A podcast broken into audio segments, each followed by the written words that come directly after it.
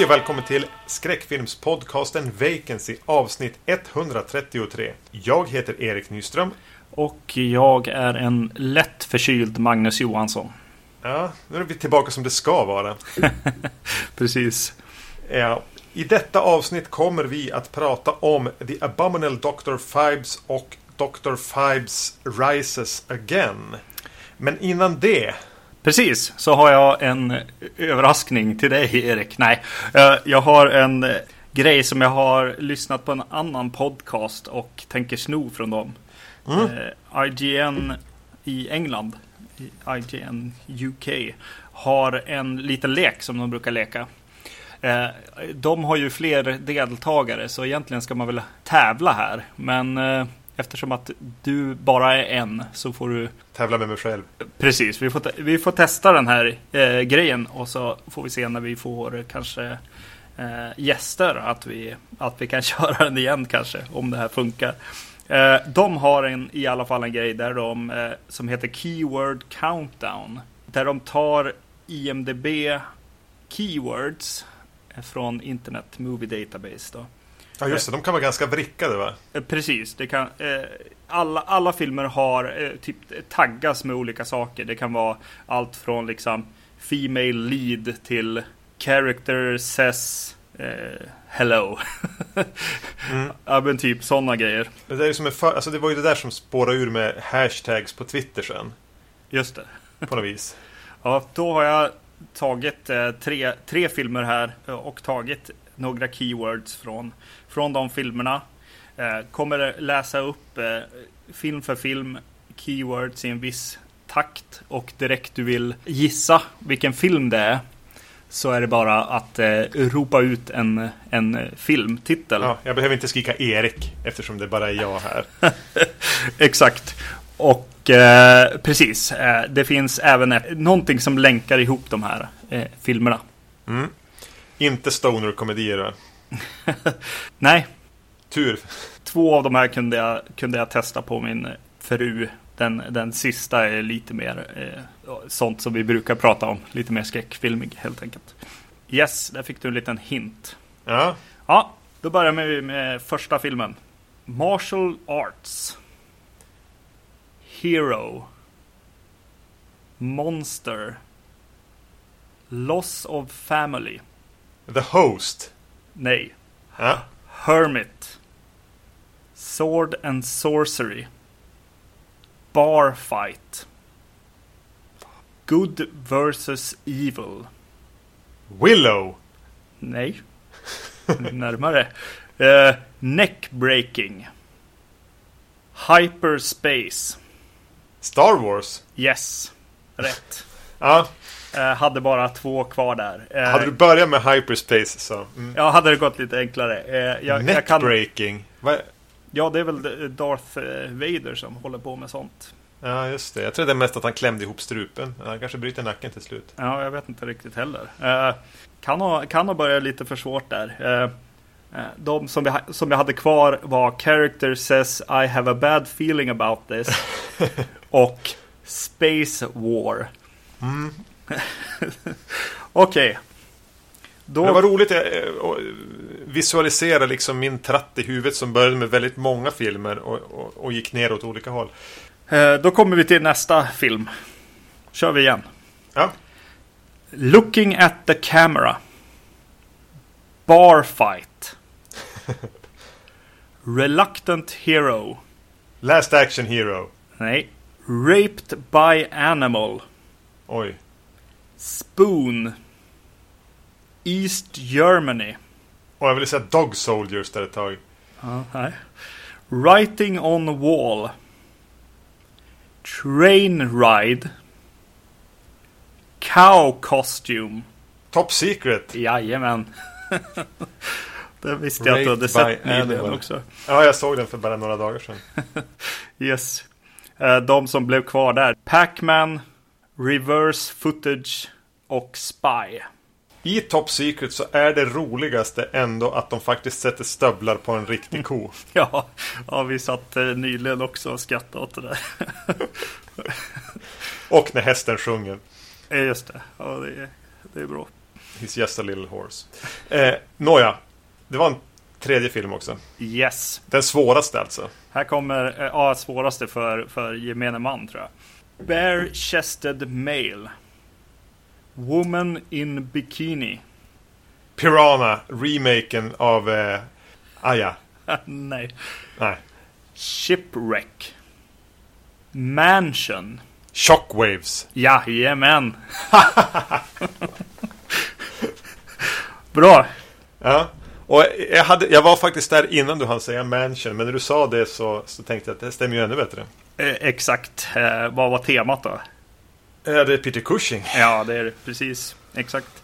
Eh, resten där, ja, jag går igenom dem. Supernatural Power. SS Commander. Floating Corpse. Desolate Island. Nazi Experiment. Nazi Zombie. Underwater. Och Living Dead. Ja, vad fan jag tog den på? Hur kunde jag? Det måste ju vara att du undermedvetet tweakade mig åt Peter Cushing-hållet då. Ja, ja, måste ha det. Ja, men just Mansion och att det har någonting med stranden och liksom sånt att göra. Shipwrecked på något vis. Ja, mm. Mm. Den har vi inte gjort på podden än. nej, precis. Karamell och spara då. Ja, precis. Det kan ju hända. Temat kommer ju av att, att han dyker upp i det här avsnittet senare också. Ja, gud ja. Yes.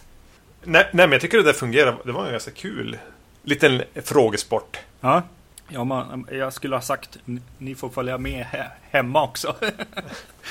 Men det gjorde ni säkert. På, på Star Wars är nog de flesta snabbare än vad jag är. Ja, fast alltså jag tog nog ganska svåra. Kanske var så. Ja, Var inte här, dubbla månar med som en... the character says I have a bad feeling about this. Tycker jag om. Undrar om det är många fler än Star Wars-filmer som har, som har den taggen. Intressant om det skulle finnas många filmer före 1977 som, som hade det. Ja, just det. Mm. Ska vi, ska vi, ska vi eh, ta oss an Dr. Fibes? Precis, som en liten miniserie Ja. av filmer. vi- Vilket bara blev eh, två Mm. i slutändan. Yes, Den första heter då The Abominable Dr. Fibes och den kom år... 1971. Jag tänker, fint filmår. Mm. Förmodligen en av de, en av de bästa. Det kommer jättemycket gallos då om inte annat. Mm. Dr. Fibes är en eh, man som i princip återvänder från de döda för att hämnas på läkarna som han håller ansvarig för att hans hustru avled några år tidigare. Och han har eh, sinnrika sätt att ta dem av daga. Exakt. Nämnas bör väl att den utspelas eh, på 1920-talet och Dr. Fibes spelas av ingen mindre än Vincent Price. Regi Robert, vad var det vi kom överens om att vi skulle säga? Fest. Ja, precis. En engelsman, tror jag. Eh, eller amerikan. Ja. Men, eh, jag kikade på hans resumé på IMDB. Han har gjort en film, eh, förutom den här och även eh, uppföljaren, som heter The Devil's Rain. ja, exakt. Ja. Och den tänkte jag direkt att det är någonting som vi förr eller senare måste hantera på, på podden. Eh, exakt vad jag tänkte också när jag tittade, tittade upp det här. Eh, den verkar ju eh, härligt, härligt Ja. skruvad och med mycket, mycket kända namn också. Ja, var börjar vi med Dr. Fibes?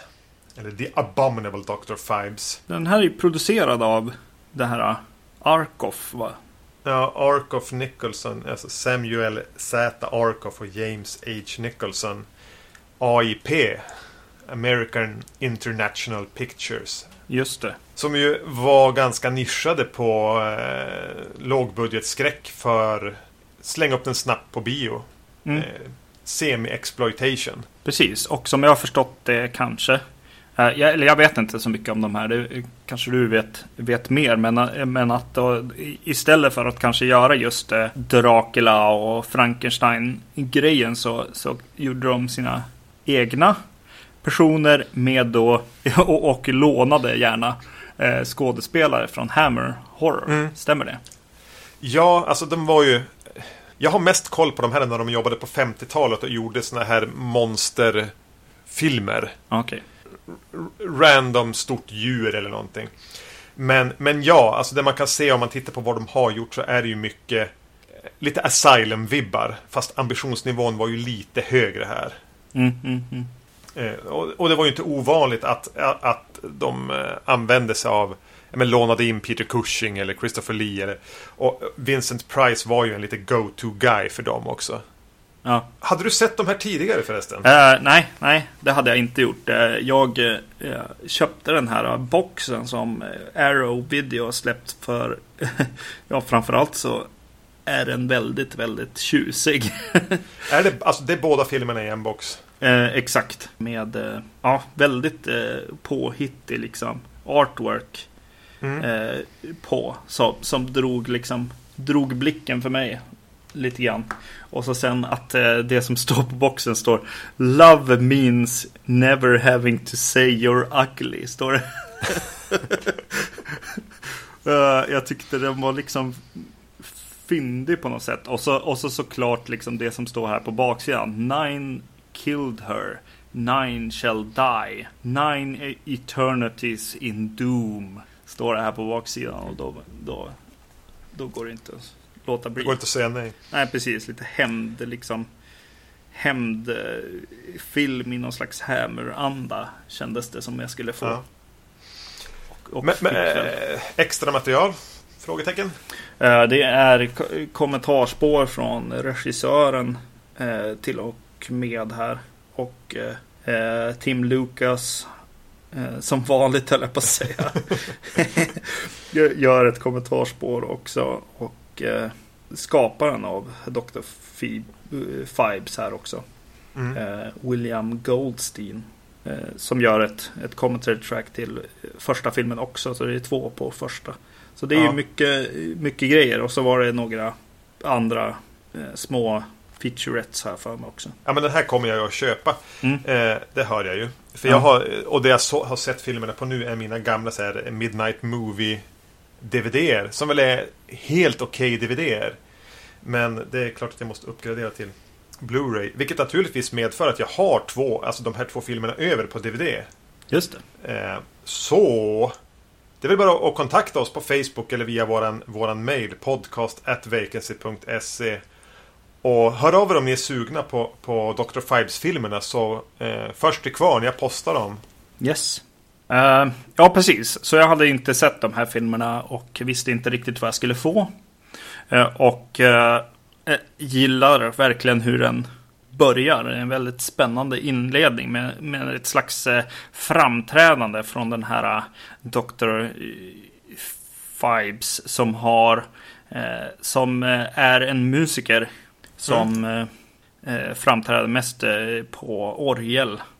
Och, och det är ett helt liksom, framträdande inför ingen publik alls. Ja. Med, med en kvinna som, som också dyker upp i den här färgstarka scenen med väldigt intressant foto ändå. Det är mycket, mycket pampiga saker som händer för att eh, framträda för ingen. När orgeln här som har någon slags röd liksom, eh, baksida som, som är väldigt extravagant. När han kommer upp där och, och har en eh, väldigt stor svart eh, kåpa över, över sig. Eh, Han sitter ju hela tiden med ryggen mot kameran och spelar. Och så Ja. hissas upp ur golvet. Och spelar någonting som jag antar är ett, säkert ett känt stycke om man eh, eh, lyssnar väldigt mycket på klassisk musik. Eh, precis, det är någonting som dyker upp där i, i, i förtexterna till och med tror jag. Att, Mm. att den som är baserad på, på olika musikstycken. Eh, vilket är intressant så här. Vi får ju sedan veta att den här Dr. Fibes är någon slags professor i, i klassisk musik och i teologi och bla bla bla. Så Mm. det, det kommer ju inte från ingenstans. Ja, men det är ju en jättehäftig intro. Han, han, han gestikulerar även ganska mycket. Man ser ju att Vincent Price som ju då spelar Fibes eh, är ju inte helt noga med att alltid ha händerna på tangenterna när tangenterna ska spela. Utan det handlar ju mer om framträdandet. Exakt, ja precis. Vilket ju ger en rätt här, lite, lite schysst campy känsla. Mm. Jo, precis. Och så sen så går han och, och eh, drar upp sitt, eh, sitt mekaniska band som han också Mm. har. Dr. Fibes Clockwork Wizards heter de. Just det. Och eh, började att dansa med den här kvinnan. Mystiska kvinnan verkligen. Volnavia heter hon ju. Ja. Precis. Fantastiskt. Ja, jo, det var ett sånt där namn jag nu kan känna att jag ångrar att jag inte hade på listan när jag skulle döpa min dotter. Exakt, ja. Vulnavia. Mm. Jag tycker att det blir lite spännande den här filmen. Just för att eh, det blir just så här eh, över eh, kitschigt liksom. Ja. ja men hela introt här och även sen så. Jag ska inte säga frossa men den använder sig väldigt mycket av så här art deco estetik. Som poppis på 20-talet. Ja. Och bland så här retronördar. Alltså med dekor och tapeter och möbler och sånt. Och även lite grann hans... Vad ska man kalla det för det han håller till? Det är ju, det är ju i princip en, en mansion han har. Som han har inrett som sin... Ja... Lair. Mm. Och det är ju någonting rätt härligt med att han har de här hela tiden Fibes uppträdandena för sig själv. Ja. Tillsammans med den här Vulnavia som ju bara är en ja, henchman. Ja.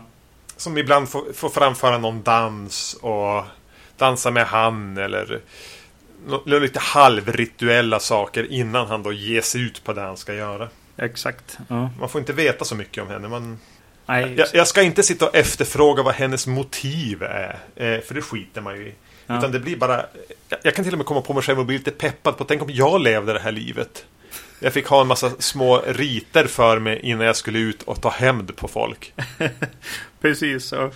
Jävligt noga iscensatt och koreograferade små eh, riter. Mm.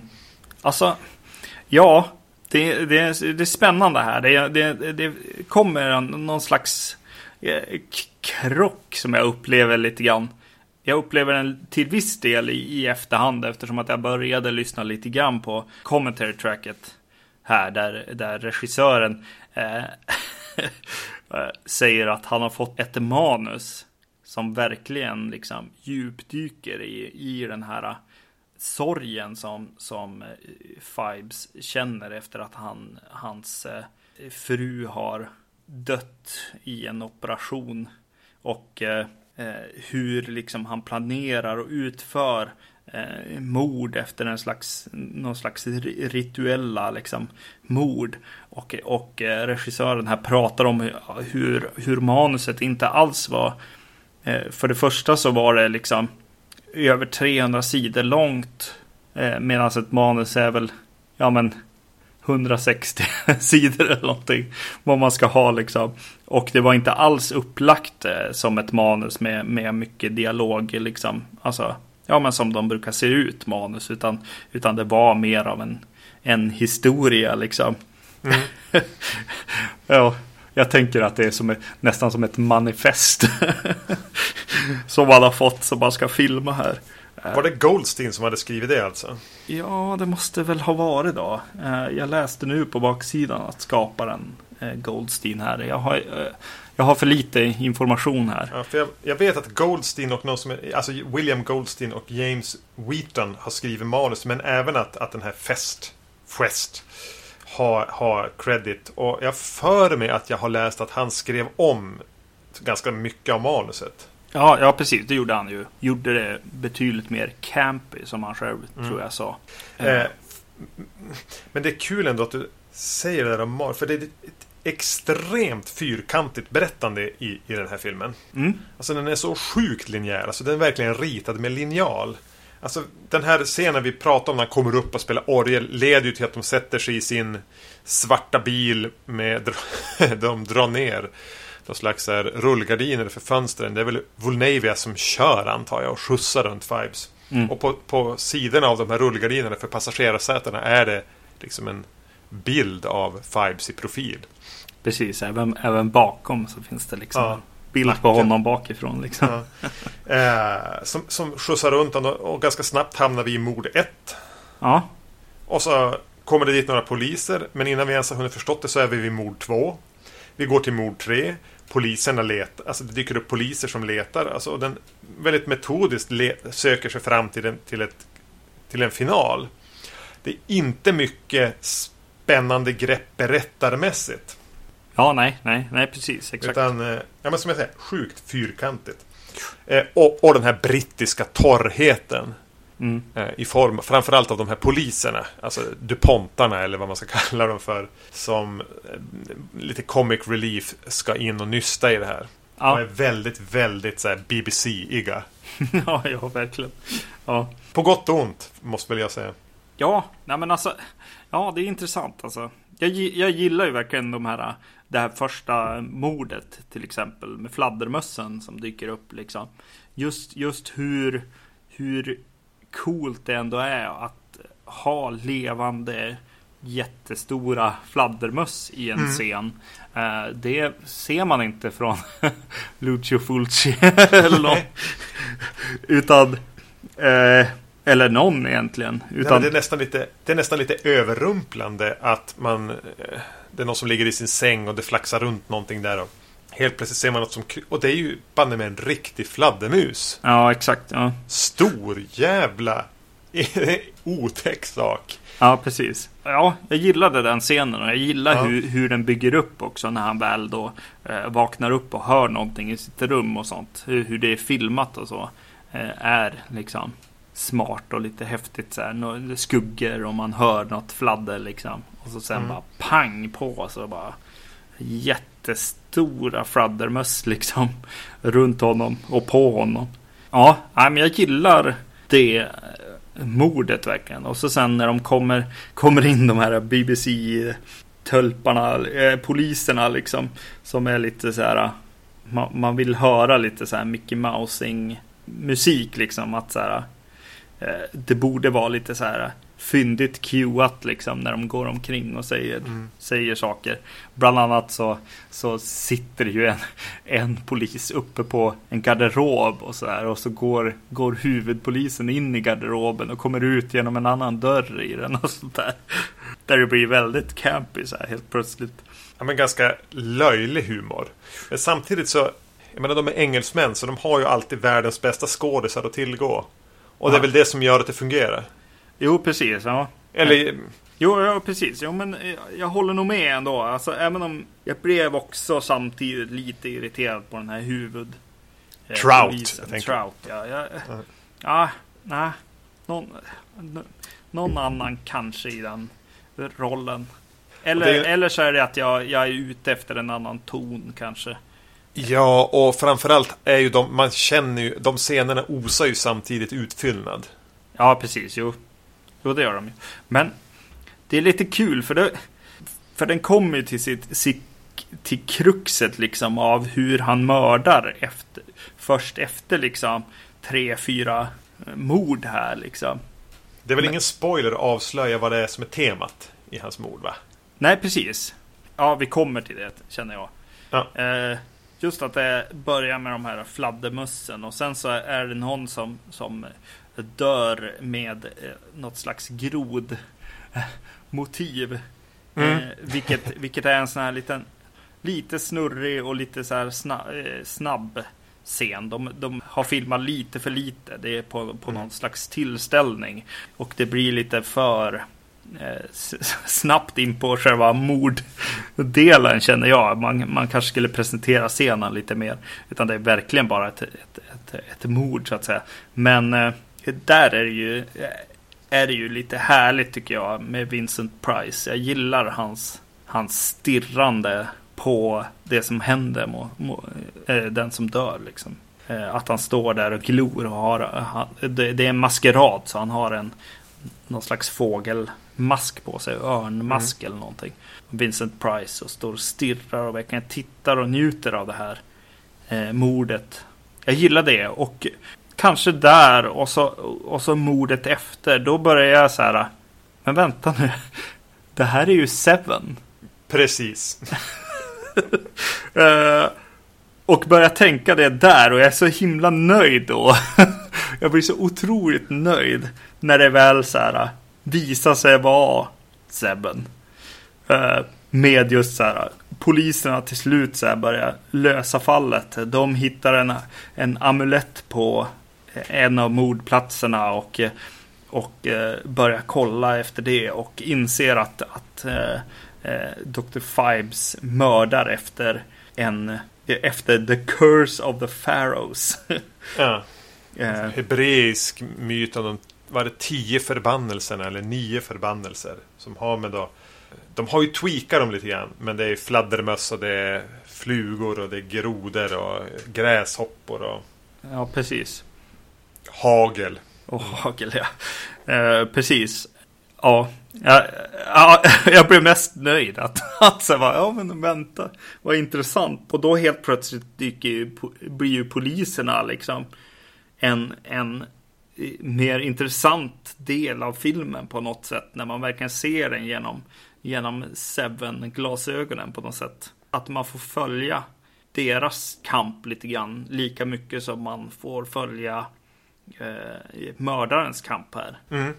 Jo, Eh, jag, hade, jag vet att när jag såg den, jag har sett den här en gång, det var länge sedan, men jag har sett den tidigare. Och då hade jag läst om Fibes-filmen, någon sån snobbig skräckfilmsnörd som hade eller jag läste den nämnas då i, i förhållande till Seven att någon hade sett Seven och sa bara ja Det här var ju som mest bara en, en halvtrött reimagining på Dr. Fibes. Mm, Okej. Okay. Det vet jag att jag hade med mig in i den när jag såg den första gången. Ja, just det. Okay. Men man, man, blir ju nyfiken på för, hur, hur, medveten den som då skrev Seven var om den här filmen. Exakt, jo, ja precis. För det här är ju ändå en hyggligt erkänd kultskräckis.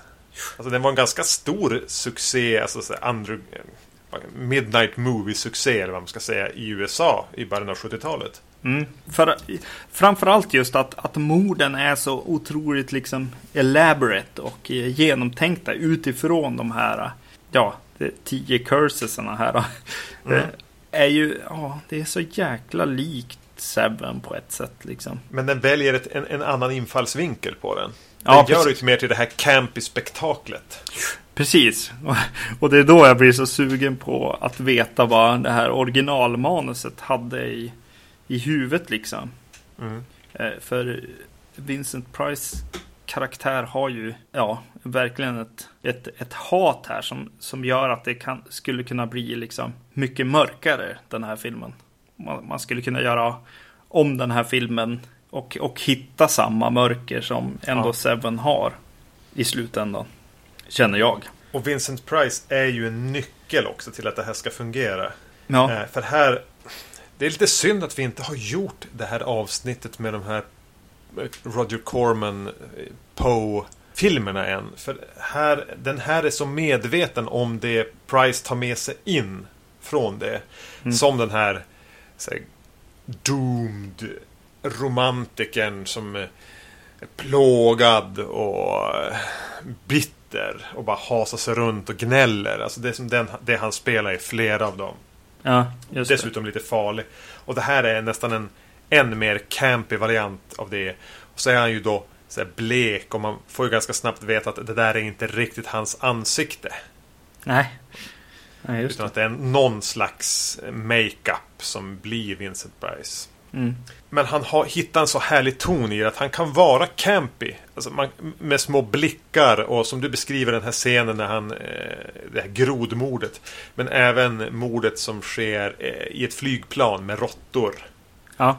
Och han står och tittar på det i en sån här kikare. Ja. Alltså att han, han är så säker i sitt skådespel att han kan verkligen hitta tonen där det inte blir pajigt. Men det blir inte för seriöst heller. Och han kan bara kasta någon liten blick då och då som gör att man förstår okej okay, det här är inte på allvar. Nej, nej precis. Han skojar hela tiden lite grann. Mm. Så att han är någonstans mellan Bond-skurk och så Batman-skurk. Och den här mördaren i Seven. Exakt. Ja, ja jag, jag gillar ju den här filmen alltså. Jag gillar att den har mycket parallellhandlingar ändå ur olika, alltså, eller de olika perspektiven liksom. Polisen, han, eh, vi på ett sätt och de dödsdömda så att säga är ju också mm. med här. Eh, en av, eh, alltså i Fibes ögon här, huvudskurken. Ja, slutbossen. Slutbossen. Spelad av Joseph Cotton för övrigt. Precis, som är ju med i, i Mario Bavas Baron Blood. Eller eh, The Third Man eller Ja, några ja. Hitchcock-filmer. Ja. Men jag gillar, jag gillar din referensram bättre. Ja, precis. Eh, jag, ja, jag gillar alla de här uh, pjäserna som, som spelas med ändå i, i filmen och så. Så det känns som jag är med ändå och, och just att, att det blir så här campy ändå är ju ändå kanske det som räddar den i slutändan också. Alltså, Ja, men den hade så lätt kunnat bli så torr och Mm. stel den här filmen. Just med det fyrkantiga manuset och det här väldigt brittiska anslaget. ja, Så hade den kunnat bli liksom javisst herminister. ja precis, exakt. Med Ja. mord. Ja, Eh, och den hade inte fått bli för campy heller. För då tröttnar man ganska. För den är ganska precis så lång som den får vara. ja, Mina minnen av den var... Jag, jag minns inte så mycket. Att jag tyckte den väl var okej. Jag såg den här när jag var inne i en sån här Vincent Price-period för mer än tio år sedan. Men att jag nästan kunde uppskatta den mer nu och se fler saker som är härliga. Ja, och eh, ja precis. Man ska verkligen inte hoppas på mörkret på något sätt. Men Nej. det är det som är så bra med den här boxen. För den säger ju verkligen en annan sak eh, till en redan från början. Eller för min del så, så, så var det bra. Jag hade, hade rätt förväntningar på något sätt. Och sen att jag fick, fick de mörka partierna också eh, blev, ju, blev ju liksom spännande och intressant. Och i slutändan gillade jag hur, hur den, alltså när den väl börjar då gå ifrån kanske det här eh, väldigt linjära eh, greppen. Utan, utan man börjar fundera på vart alla pjäserna befinner sig och, och är, är alla på rätt plats och sånt. Eh, jag, eh, jag gillar liksom hur den e- eskalerar på något sätt. Och ja, och sen kommer det en till film också, eller en filmserie till som har någonting ändå att tacka den här filmen för. Och det tycker jag är så Ja. filmerna. Jag tänker att vi kanske kan... Jag kan nämna det när vi pratar om uppföljaren. För jag tänkte mer på den då. Mm, just det. Den här har, har en slags slutstrid som, som eh, påminner väldigt mycket om eh, Jigsaw i så-filmen. Ja, Där, där Vincent Price tar, tar den rollen. men jag håller med. Jag håller med Mm. helt och hållet. Jag måste bara fråga som en, som en av, av, avrundning på den här. Tyckte du att det var roligt när de var tvungna att skruva loss en av de mördade som hade blivit spetsad på ett enhörningshorn? Alltså, ja, det där var det, där var det konstigaste scenen i filmen. Alltså först och främst det här, ja, katapulten. Precis. Som, som används för att äh, skjuta en enhörning på någon. så den dör. Och sen skruvar den lo- loss den och så blir det väldigt, väldigt brittiskt. Väldigt nedtonat. Torrt. Ja, Eh, om man ser liksom någons fötter komma. Jag, jag var hela tiden bara, är det här roligt? Eller är det bara konstigt? Eller är det bara töntigt? Ja, det var ganska töntigt alltså. Tyckte nog jag. På något sätt tänker man att, att vid ett visst tillfälle så skulle man kunna tycka att det var jätteroligt. Ja. Det, det är verkligen... Jag tänker på, det är någon av de, vad heter det, Dödligt vapen-filmerna. Där någon får en skurk får en vajer i magen och, och de, ska, de ska dra undan kroppen och de går åt, alltså någon tar i benen, någon tar i armarna och så går de liksom åt samma håll. Det är Men- lite den typen av, av, av skämt. Mm. Det känns lite som att det är här, här just det här mordet eh, tar steget ifrån liksom det de har satt upp på något sätt. De har satt upp att, att eh, när Vincent Price är i sitt lair eller, eller eh, förbereder för någonting så, så är det någon slags campy film vi ser på. I morden så är det fortfarande liksom over the top. Men det är också ganska obehagligt. Mm. På, på, på något sätt ändå. Eh, jag tar i kanske lite där men, men och så sen kommer vi till de här lite eh, torra brittiska poliserna som, som är lite så här putsfyndiga liksom. Och, och eh, i just den här mordscenen så blandar de ihop de här. Och, Det blir märkligt. ja, precis. Vilket var ditt favoritmord? Ja, alltså jag tyckte att eh, rent utförningsmässigt så tyckte jag bäst om fladdermusgrejen, öppnings, Ja. äh, öppningsmordet. Eh, Men sen fanns det några liksom lite fyndiga och sådär. Eh, jag gillade, jag tyckte att det började bli lite tråkigt när de började det här flygplansgrejen liksom. Mm. Och sen tyckte jag att det var, var mysigt eh, campy och vad fan håller han på med där mot, eh, mot slutet med, med en kvinna och massor av liksom eh, apparater. Han kokar brysselkål eller vad det är. Ja, exakt. Ja. det, var, det var ganska roligt på något sätt. Så här. Mm. Mm. Jag gillade ändå, vad heter det, hagelmordet. Kanske mm. bäst. Jag kände på mig att du skulle säga det när du frågade ja. frågan. Det säger jag som min favorit. Jag kan även gilla slut, lilla lilla slutglimten av det här flygplansmordet. När ja, han, äh, Fibes tittar på det, det är ett flygplan som är i trubbel. Genom en sån här kikare och i, Volnavia står och spelar fiol under, under hela Ja, precis. Volnavia är ju jättebra där. Ja. att hon är där. Och, Mm. Och när, det, när, när, när liksom det hela är slutet så smäller han som bara till den här kikaren som är på ett stativ som snurrar runt. Och hon står fortfarande i bakgrunden och spelar fiol. Ja, ja precis. Jo, men deras eh, liksom del av det. Eh, mm. det. det. kändes snarare som det som hände i planet eh, kändes det som jag hade sett redan i filmen. Ja, det lite, påminner lite för mycket om ett annat mord. Ja. Och är, jag menar, jag tycker ju inte att råttor är obehagliga. Nej, exakt. Nej, nej precis. Ja, nej, det är ett problem. Definitivt med den scenen. Men visst är ändå uh, The Abominable Dr. Fibes någonting man ska se? Det tycker jag definitivt. Ja. Mm. En rekommendation från min sida och från din sida. Yes. Uh, nu innan vi går vidare ska jag hälla upp en whisky till här. Vad är det för whisky? Uh, jag fick i för, present en uh, Macallan Ja. 12-åring här. Igen. Weapon of choice. Exakt. Du fick en Macallan, jag fick kalsonger. Ja, det fick jag också i och för sig. Ja. Också? Jaha. Och Jaha. strumpor. ja, du har ju två barn i och för sig. Just det. Strump, jaha. Mm. Mm. Ja, ja. Ja, du får ta upp det här. jag får ta upp det här till nästa år. Dr. Fibes Rises Again. Från 1972 va? Yes. Samma regissör, Fest Fuest-killen. Och han har även fått göra, äh, göra huvudarbetet med manus här va? Men, exakt, yes. Jag trodde att jag hade sett den här. Jaha, okej. Okay. Men antingen så har jag helt och hållet glömt bort allting. Eller så har jag aldrig sett den. För jag känner inte igen någonting annat än den absolut, absolut sista sekvensen. Somewhere over the rainbow. Ja grejen. Det känner jag igen, men det kan jag samtidigt ha hört talas om eller sett i något annat sammanhang. Mm. Så det här blev lite oväntat spännande för mig. Det är kul när man bara var så gammal att man inte har en aning om man har sett filmer eller inte. Ja, precis.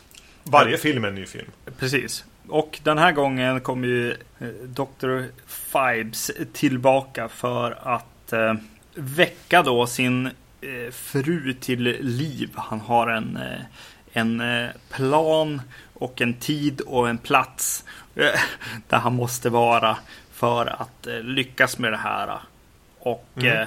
Det, det kommer lite folk i vägen för honom som han måste undanröja.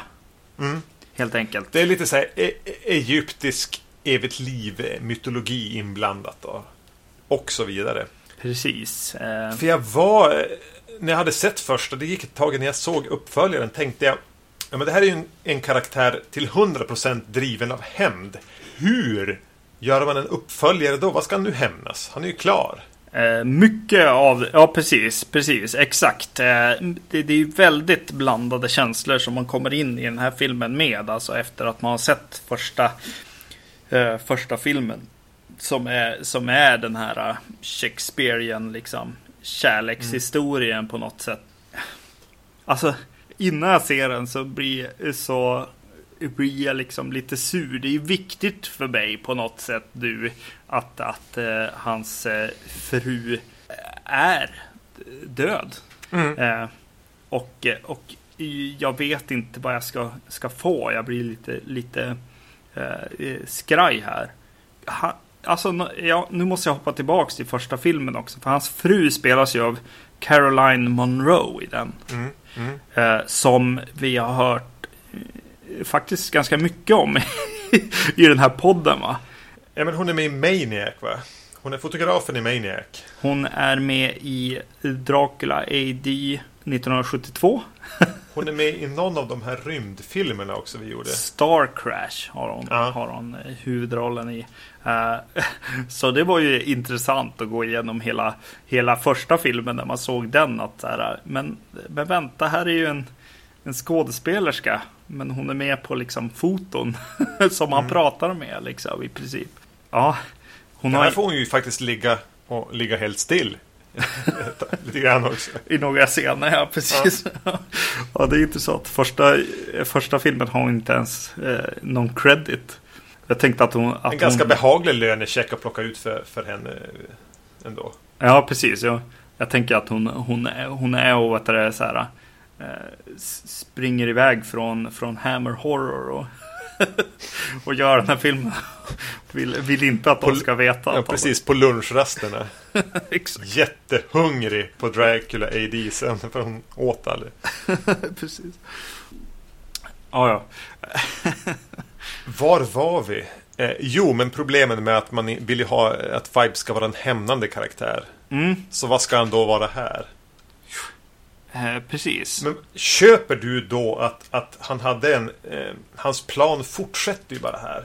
Ja. Han försätter sig på något vis i något slags självinducerad koma eh, tills eh, solen och månen i princip står i rätt lägen. Så återvänder han. Ja, precis. För att fortsätta sin plan som hamnar, ham, egentligen handlar om att återuppväcka henne och leva evigt liv. Och en typ. Ja, precis. Köper du det då? Det är ganska viktigt. Ja, precis. Exakt. Eh, och det tar ju ett bra tag innan de, innan de får mig på sin sida lite grann. Alltså jag är väldigt skeptisk ganska lång, lång eh, tid. Och så, eh, och så blir jag nästan ännu mer skeptisk när han väl börjar prata med sin apparat som han har i första filmen också. I första filmen så, så kan han inte eh, prata genom munnen för att det är ju någonting med honom. Det är ju någon, någon slags mask han har på sig som sagt. Och eh, han pratar genom en sån här röstgrej som man pratar genom eh, halsen med istället. Och, och i första filmen så, så har han ju liksom en lite förvrängd eh, röst liksom. Eh, som Mm. går genom den här apparaten liksom som man måste prata igenom. Eh, och eh, den är försvunnen här. Eh, Utan nu, nu får vi full on Vincent Price. Och jag får, jag får en liten känsla av att regissören här har, har känt att, att i första filmen så liksom Vänta nu, Vincent Price, är inte han liksom känd för sina liksom eh, eh samtal i princip? Monologer. Och att, att det känns lite konstigt att han, att han inte faktiskt pratar i den här första, första filmen. Bara spela in alla sina repliker i en, stu- alltså i en ljudstudio i efterhand. Precis. Så, här, så här får jag en känsla av att han, han vill, vill framhäva Vincent Price ännu mer och, och tar därav eh, bort den här förvrängningen lite grann. Eh, vilket jag inte riktigt gillar, utan jag gillar ju att den, den fanns där liksom. Så nu, nu har den liksom två minus här. Uppförsbacke för eh, Dr. Fibes Rises Again. Precis. Och så har de en ny Vulnavia. Ja, det har de också. De återkallar ju, han bara säger det liksom. Jag ber dig Vulnavia, kom till mig igen. Ja, Så kommer det in en helt annan tjej. Eh, som jag inte alls gillar lika mycket som den första. nej, nej, det gör jag inte heller. De, Men- Det här är ju då brittiska fotomodeller från eh, tidigt 70-tal i båda fallen. ja. Virginia North i första, men hon var gravid här. Eh, så då tog de in någon som heter Valley Kemp. Mm. Som inte alls är lika, har samma, jag vet inte vad man ska säga. Lite förhöjda utseende. ja, precis. Nej. Drömsk på något vis. Inte lika drömsk. Nej, precis. Även, även om hennes, liksom, när han kallar på henne så, så är det verkligen ur, ur nästan en annan dimension som hon Ja. dyker upp där. Hon är Eh, nästan ett väsen. Hon Ja. Hans musa. Alltså jag säger inte att hon, är, att hon är dålig. Den här nya. Nej, Bara att hon inte är samma. Nej, precis, exakt. Nej, nej, men det håller jag med om. Men eh, precis, just efter att han, han, han dyker upp, han, han spelar lite på sin, på sin orgel och, eh, och pratar lite grann, någonting, någonting är fel på något sätt. Och så, och så är han i sin, sin värld här som vi känner igen lite grann. Och så dyker hon upp genom en konstig liksom annan sfär nästan. Och då, då någon gång får man se att verkligheten dyker upp lite grann, tror jag. Eh, då hans, hans palats, eller vad han nu har, mm. faktiskt är nerrivet. Ja, det är bara ruiner kvar. Eh, så vi har först faktiskt sett det helt. Och så det är först då han som vaknar upp och, och, och tittar sig omkring och så bara nej, nej allting är ju i ruiner. Då börjar filmen bara, mm, okej. Okay. Ett hack i Fibes LP-skiva här. ja, precis. Och då börjar den, då börjar den lite att säga, okej, okay, ja, okej, okay, jag vill se vart det här tar vägen i alla fall. Eh, den börjar vända lite grann. Han, mm. han tar ett trappsteg upp där lite grann. Robert Fest eller vad han heter. Men vi slungas ganska snabbt in då i det första mordet. Eller kanske först då det som leder till det första mordet. Vi presenteras för hans Nemesis. Nej, det kan vi inte kalla för. Men den, den som han ska tävla om att komma till eh, ungdomens källa. Eller vad vi då ska säga. Ja.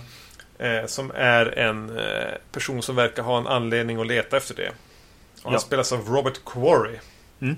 Och det här blir lite intressant. Har du sett eller känner till Count Jorga-filmerna? Nej, jag har inte sett dem.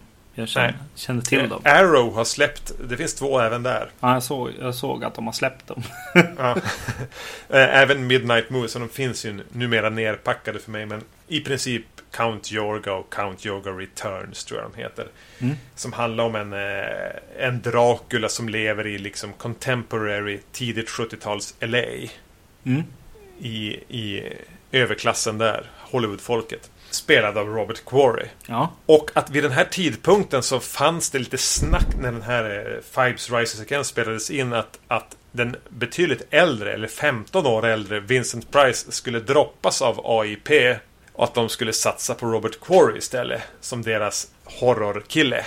Just det.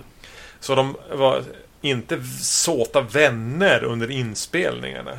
Så det är liksom på något sätt så Count Jorga versus Dr. Fibes det här i, i någon aspekt. Ja.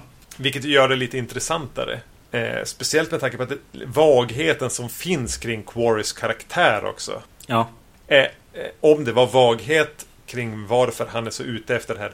Eller om det bara var det att jag var störd av att mina grannar spelade julmusik jättehögt jättesent. ja, nej, det var ju väldigt eh, vagt vad han var ute efter. Ja. Och vem han var. Så det blir någon slags kapplöpning det här där de är ute efter lite kar, nästan lite Indiana Jones. Med tanke på vart de hamnar. De vill till samma ställe men de har lite olika delar av ledtrådarna till hur man tar sig dit. Så de är ute efter vad den andra vet.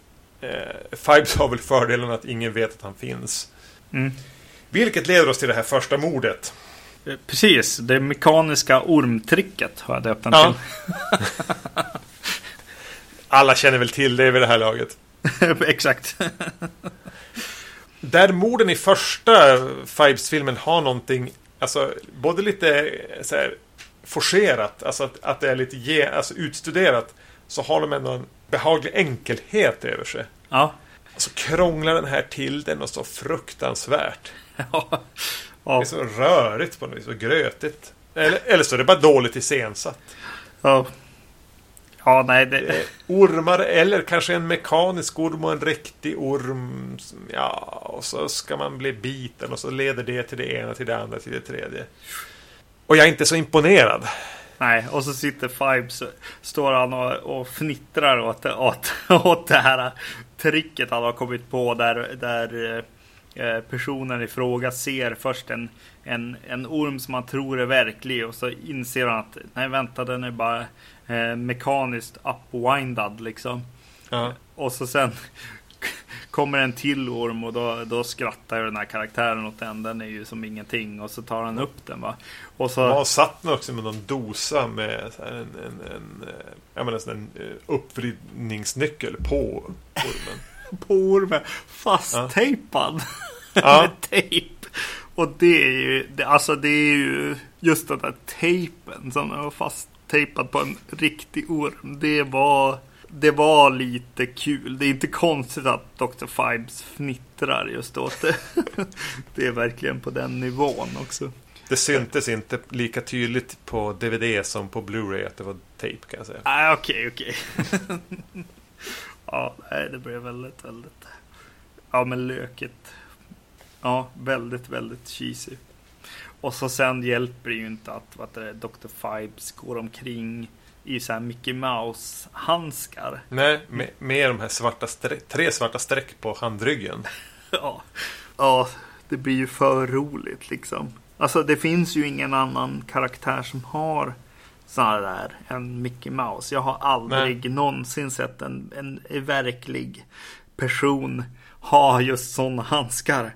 De gör lite av en grej i den här filmen att han, att han, eh, han byter handskar ganska mycket eftersom att jag just eh, tänkte på de här Mickey Mouse-handskarna så, så tänkte jag också på hur mycket han, han faktiskt byter handskar i den. Eh, det är som hans, hans grej helt enkelt, fashionmässigt är hans handskar. Men just att ha Mickey Mouse-handskar på sig som den hotfulla i filmen känns inte helt rätt. Även, även om man kanske inte får den rollen riktigt i den här filmen. Det kan man ju inte heller tycka. Utan det handlar ju om honom och hans kamp för att, för att eh, väcka sin, sin brud till liv här. Mm. Mm. Första mordet, här tänkte jag fortfarande ja men jag kan ha sett det här. Jag kan bara ha glömt första mordet. Men sen hamnar vi på en båt. Ja men nu åker vi till Egypten här. Både Fibes och den här Robert Quarry-karaktären. Eh, på samma båt med sitt entourage på något vis. Mm. Jag bara, det här känner jag inte alls igen. Och sen tvingas då Fibes, eller han får för sig att döda en av, av, av Quarrys entourage här. Stoppar ner han i en jättestor ginflaska. Slänger han över bord. Man tänker att man har åkt från England här mot Egypten. Ja. Så hamnar den här jävla flaskan och kroppen ändå i nävarna på de här poliserna från första filmen. Ja. Eller i alla fall en, eller båda två är ju med i första men de har fått lite andra roller här. Ja. Men det är fortfarande DuPontarna på något vis. Eh, och jag bara, det här har jag inte sett. Nej. Nej. Uh, här i, i, just den här gin, gin flaskescenen Eh, eller i mordscenen om man ska säga, det som byggs upp där, någon slags stämning, eh, scen där eh, i, i lastutrymmet på, på skeppet här. Är, ja. är faktiskt enda gången i den här filmen som jag har sagt att som jag har skrivit upp någonting som är eh, liksom häftigt eller liksom spännande eller vis visuellt eh, intressant. Ja, det är någonting skevt över hela det mordet. Ja, jo. Men framförallt så är det när, när Dr. Fibes dyker upp i backspegeln på en bil som står i det här lastutrymmet. Mm. Just den, den bilden är riktigt bra och gör honom, eh, karaktären, till någonting hotfullt. Eh, ja, det är väl enda gången egentligen i, i just den här filmen som han är hotfull, känner jag. Han känns ju lite mer som en Indiana Jones typ här. Ja, ja precis. Jo, men ö, överlag. Alltså det här är ju en film som är mycket närmare liksom den här äventyrstaken på, på The Mummy. Ja. Med, vad heter han, Brennan Fraser. Mm. På den här jäkla båten då, helt plötsligt. Jag hade ingen aning. Så öppnas dörren och kaptenen knatar in och pratar med Robert Quarry. Och kaptenen är ju Peter Cushing. Exakt. Jag bara, vad fan i helvete, det är Peter Cushing. Jag har inte sett den här förr. Det här hade jag kommit ihåg. Exakt, ja. Ja, det är bra. Jättekort scen. Det är verkligen nästan så här cameo. Ja, ja det är det. Eh, det står i förtexten eh, Special Guest Star eller något sånt där. Ja, eh, och det hade jag lyckats missa. Jag hade ingen, ingen aning att han skulle dyka upp. Vilket gjorde det hela väldigt, väldigt kul för mig som är ett stort fan av Peter Cushing. Om det inte redan hade framgått av tidigare avsnitt.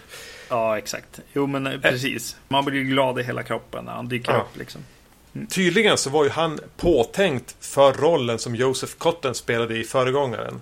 Men han, sa, han var tvungen att tacka nej eftersom hans fru var döende. Ja, okej. Eh, här var hon väl redan dö, eh, död. Mm. Men han gjorde små inhopp då. Under typ 72 så gjorde han små roller. För att det var det han orkade. För han mådde fullt förståeligt röv. Ja, Eh, och det här var tydligen en dag han hade gått med på att göra. just det. Mm. Och det syns ju. Men det var här jag blev säker på att jag inte hade sett den här tidigare. Nej, precis. Och sen är vi i, liksom i Egypten. Och de slår upp lite läger och de kryper runt i katakomber och, och, och öppnar... eh, Drar i sig ormformade handtag och grejer. Mm. Och det är då jag känner vilken konstig film jag tittar på. Den har i alla fall inte gjort ett försök av att vara, bara vara första filmen en gång till. Utan den här har ju velat ta hela konceptet med Fibes och hans fru Victoria vidare. Liksom. Vad skulle han göra härnäst? Mm. Och, eh, och det är väl när jag känner hur jävla knasigt det här är. Som jag börjar gilla den lite mer. Ja, precis. Jo, det är ju här det, här det blir liksom. Här kan man börja slappna av på något sätt. Eh, från förra filmen. Eh, från eh, förhoppningarna till den här filmen. Eller snarare förhoppningarna av att, att varför gör de en till film? Eh, Ja. Kan försvinna lite grann. Utan det är Det handlar om Ja men typ Kul äventyrsfilm på något sätt. Med, Med- Fibes, ja, Fibes Volnavia och hans jäkla orgel. Ja, precis. och eh, men även eh, alltså det är mycket mer än så här se cameos eller se karaktärer som eller skådespelare. Det är fullt med med folk som man känner igen tycker jag ändå. Som, som blir liksom småkära återseenden eller kul att se i unga dagar och sånt där. Alltså vad heter han? eh, Kommissarien Morse dyker upp där och eh, är med i princip i en, mordsituation. Eh, igen med, med häftigt riktiga djur. Ja, det är Exakt. örnen va? Ja, precis. Då, alltså, han kan ju verkligen klippa och filma och få, få ihop en, en scen som känns lite mer, ja, som känns obehaglig med faktiska riktiga djur med. Det är, det är inga så här uppstoppade örnar som så här gnuggar sig mot en så här vilt kämpande skådis. Utan få ihop det ganska snyggt. Även om det känns eh, helt löjligt att, att någon i typ en katakomb skulle kunna bli mördad av en örn.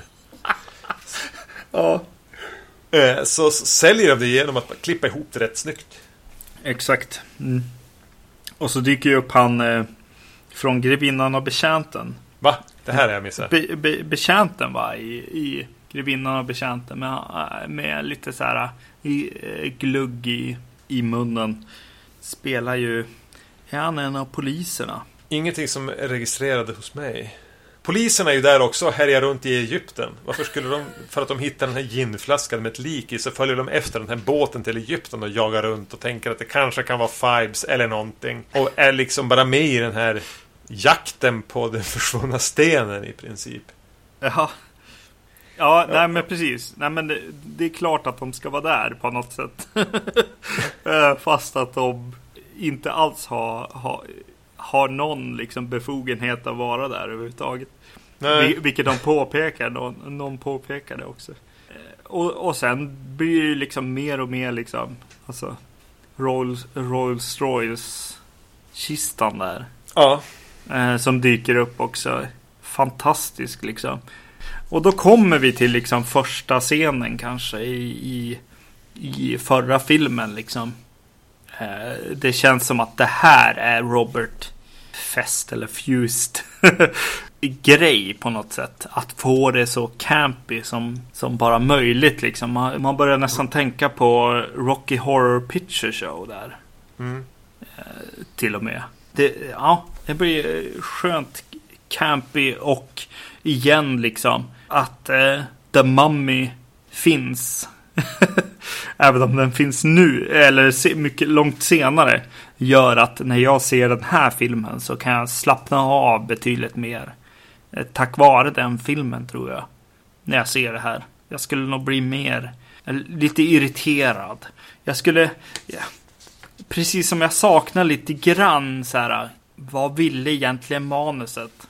Originalmanuset med eh, första filmen egentligen. Jag skulle vilja se det. Så tar ju den här, den här tar ju ännu mer ett, ett steg från den. Liksom. Jag kan tänka mig att har man, har man skrivit första filmen, fått, fått den här mycket mer campy filmen och, och sen ser, liksom, få, få betala dyra pengar och gå på bio och se den här filmen så skulle man nog vara ganska förbannad.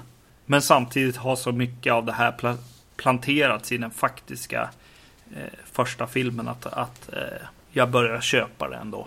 Ja, jag, jag, tycker att det blir så knasigt att jag vill veta vad, vart ska det här ta vägen? Ja. Mm. Eh, och jag nämnde, du pratade om så redan i förra filmen. För mig dök det inte upp förrän i den här. När någon karaktär eh, blir liksom fastnaglad i en slags skorpionstol och Fibes dyker upp med en nyckel som då förstår det är den här som har låst fast mig på det smärtsamma sättet.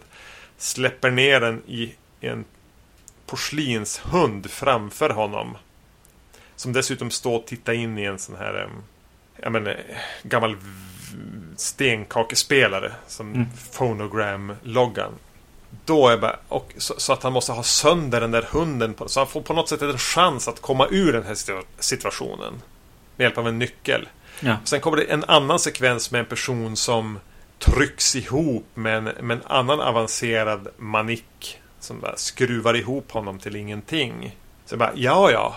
Ja, ja men eh, Fibes är ju även Jigsaw.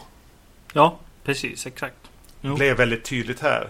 Så återigen, precis som, som eh, Seven eh, så är jag minst lika nyfiken på eh, hur mycket skaparna av Så hade, hade tittat på de här filmerna. Mm. Säger de någon, att de inte känner till dem så ljuger de, skulle jag vilja påstå. ja, ja, absolut. Mm, mm. Alltså, ja.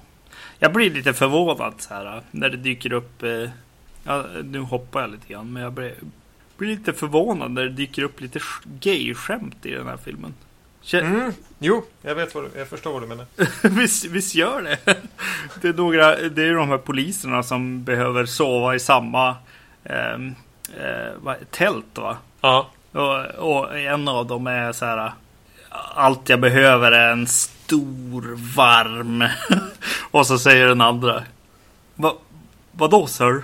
Och så är de jättenervösa. Liksom. Ja, alltså. Jag, jag blev förvånad. Jag, jag, jag trodde inte att jag skulle få gayskämt 72 på något sätt. I en brittisk film dessutom. Nej, precis. Exakt. Aha. Och jag tänkte bara på det här bizarra. Eh, nu, nu, nu, nu, rycker vi bara loss saker här och, eh, här och där. Men det är en sekvens när Fibes går in i ett rum i de här sten, dammiga, sandiga stenkatakomberna och bakom honom står Volnavia. Naturligtvis och håller i ett stort blåsinstrument. Eh, iförd typ slöjor där. Hon har ju alltid den typen av kläder på sig. Mm. Bara, det här är en jättekonstig bild. Ja. En brittisk fotomodell som står nere i en egyptisk katakomb och på något sätt så här, med blicken tar avgö av sin hämndängel till husse. Ja. eh, samtidigt så står hon bara där och håller i liksom en jättestor bastuba. Mm. Som aldrig riktigt får någon förklaring. Det här är ju andra gången egentligen, eller första egentligen då. Eh, gången som just den här gay-grejen dyker upp. I mitt huvud i alla fall. det kan bara vara jag. Eh, Dr. Fibes eh, liksom eh, börjar helt plötsligt fondla hennes så här, horn där vid något tillfälle. Mm. jo tar just där man, där man blåser i den så att det verkligen blir någon slags eh, sensuellt liksom. Ja, underligt för tiden. Och man blir ju nyfiken då. För det fanns ju manus och tankar och idéer på en tredje film eller fler filmer eh, till och med på 80-talet en tv-serie. Mm. Någonting om att Fibes skulle vara reformed och lösa brott. eh, men, men, men eh, det var tv-serien. Ja. Men, men ju- just fortsatta filmidéer. Med tanke på hur den här slutade och vart de tog karaktären och vart tonen i filmen var på väg. Ja, precis. Så hade man ju velat ha åtminstone en tredjedel. Ja, exakt. Jo, Det fanns men- tankar om att han skulle slåss mot nazister i den. Eller Eh. slåss mot, men att nazister skulle vara inblandade. Ja, precis. Jo, men det är ju helt korrekt eh, väg att gå på något sätt. Ja. Alltså det här är ju Mumie, The Mummy-filmerna. Eh, särskilt nu när, när andra filmen ändå gjordes liksom. Det, det är väldigt mycket Indiana Jones och, eh, och The Mummy. Som i sin tur då är Indiana Jones väldigt mycket. Ja. Så det är inte konstigt att, att komma dit. Och, och, och om de här idéerna, jag vet inte när de dök upp, men om de var innan Indiana Jones så, så är, eh, har ju Indiana Jones lite grann att tacka. Ja, det är många filmer som egentligen är skyldig Fibes en hel del. Ja, jo, Kanske. kanske då. Ja, precis. Jo, men alltså fan om den inte har det, alltså Indiana Jones. Eh, det här eh, smältande ansiktet och allt det där. Ja. Ja. Mm. Det finns mer här än vad man Ja, kanske tänker. precis. Eh, mycket kul att se de här eh, filmerna. Jag, eh, jag stannar nog ändå på ett sätt vid att första filmen är ju eh, bättre för mig som den person jag är. Och de, de eh, Den person som har en skräckfilmspodcast. Ja, det är väl lite så kanske. Eh, och, och den andra liksom säger men det är väl ändå okej i slutändan åt mig.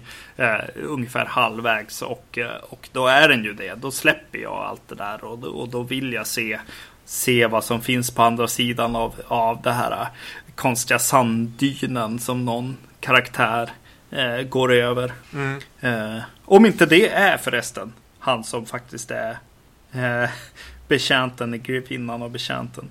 I slutändan blir det okej att det finns två av de här filmerna.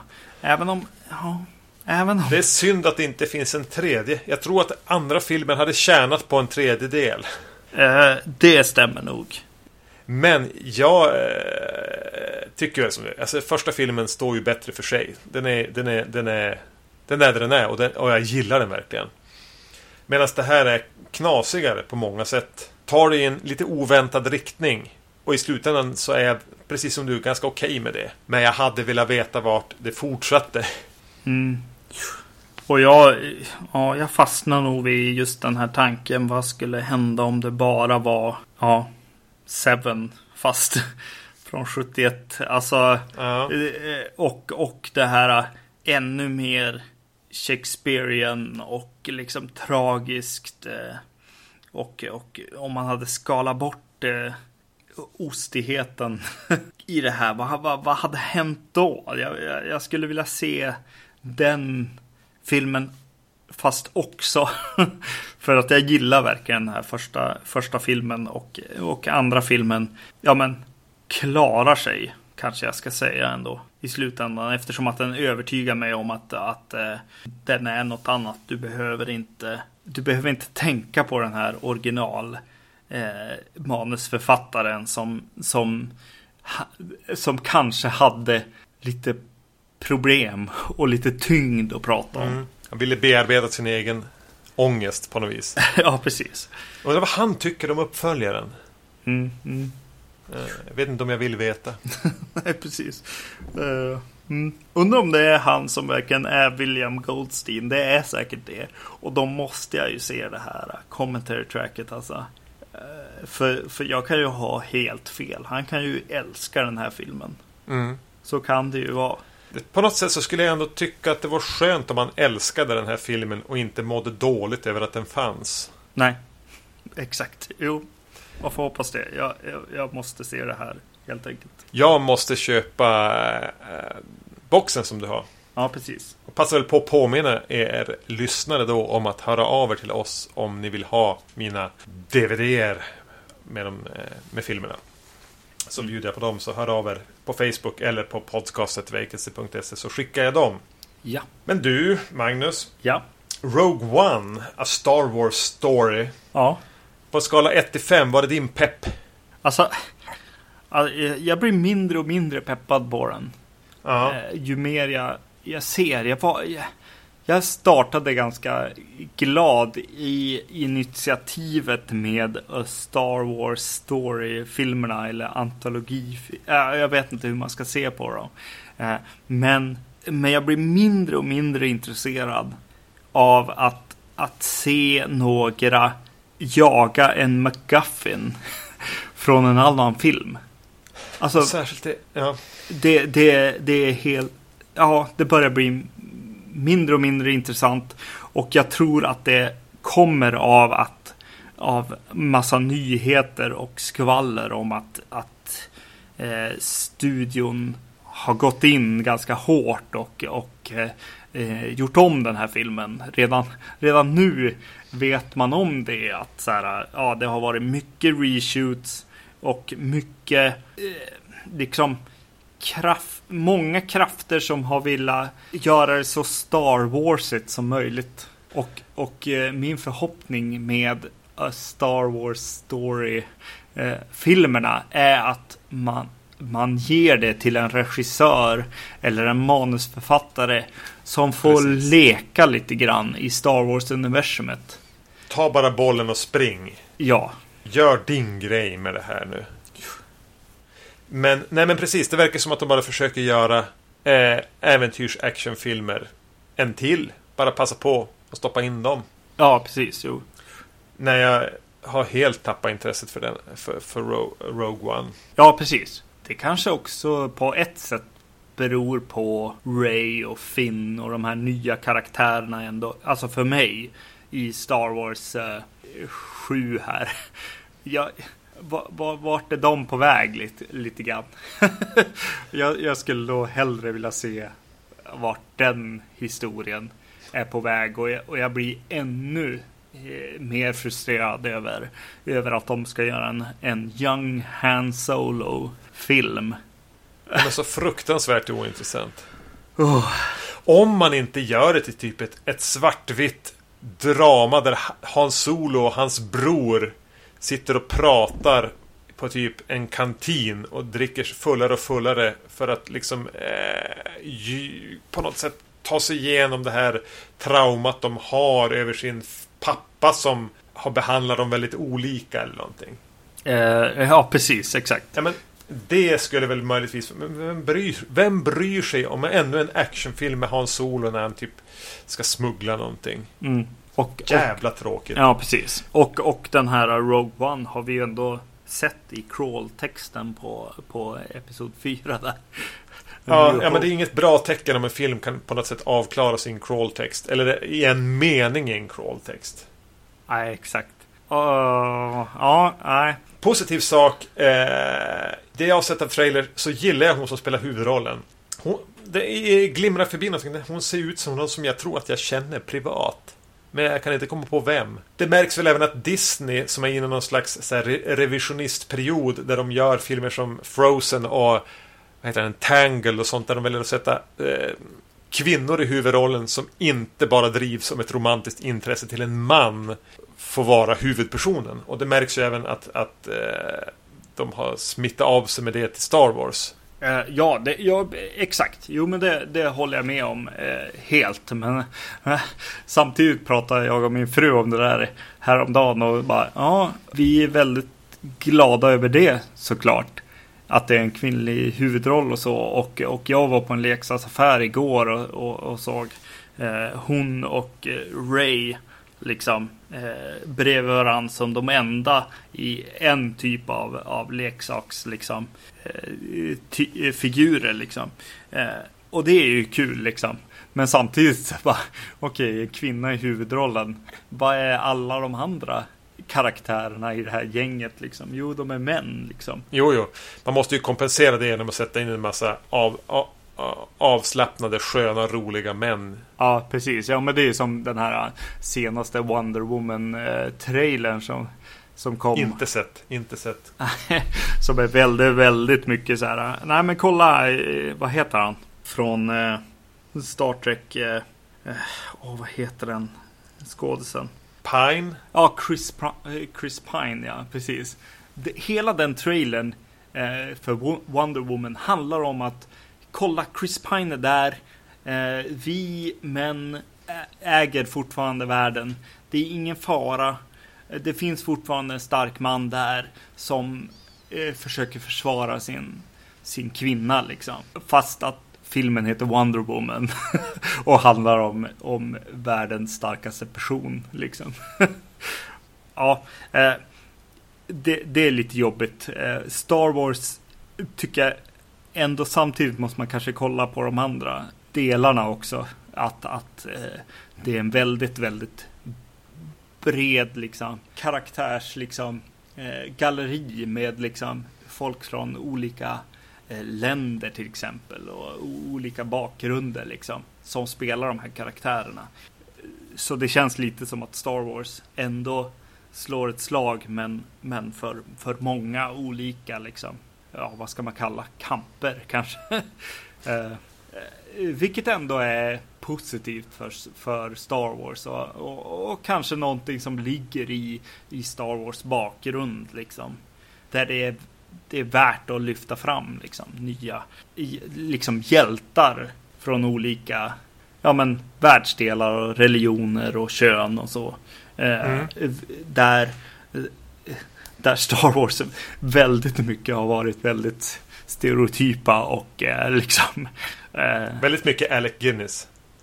Ja, men eh, inte bara det, men när, när de väl har haft liksom folk som, som liksom, ja men The Trade Federation som är någon slags eh, asiater. ja, alltså, ja, George Lucas har, har gjort eh, skämt av, av andra kulturer. Måste man ju ändå säga. Ja, på det här gubbiga sättet. Att, han, att han, han har inte ens förstått det. Nej, precis. Jar Jar Binks till exempel. Ja, han är för gammal. Ja, ja. Jag, kan inte ens, jag kan inte ens säga att, det är, att jag kommer gå och se den på bio. Jag, jag, jag kommer ju såklart att gå och se, se det som den jag är. Och, och Star Wars-fan och eh, så här. Ja, men jag går på alla de här jävla storfilmerna. Även om de är skit. Eh, och än en gång, ja det är jäkligt bra med de här kvinnorna i huvudrollerna. Det måste jag ändå säga. Eh, nästa avsnitt kommer vi att eh, byta julklappar enligt tradition. Ja, precis. Ja, men ni vet var vi finns. Eh, iTunes är ett bra ställe att gå in och ge oss höga betyg så vi klättrar på deras listor och kanske får lite mer exponering. Facebook, vacancy.se och vi gillar all form av feedback. Ha det bra! Ha det bra! Hej! Hej!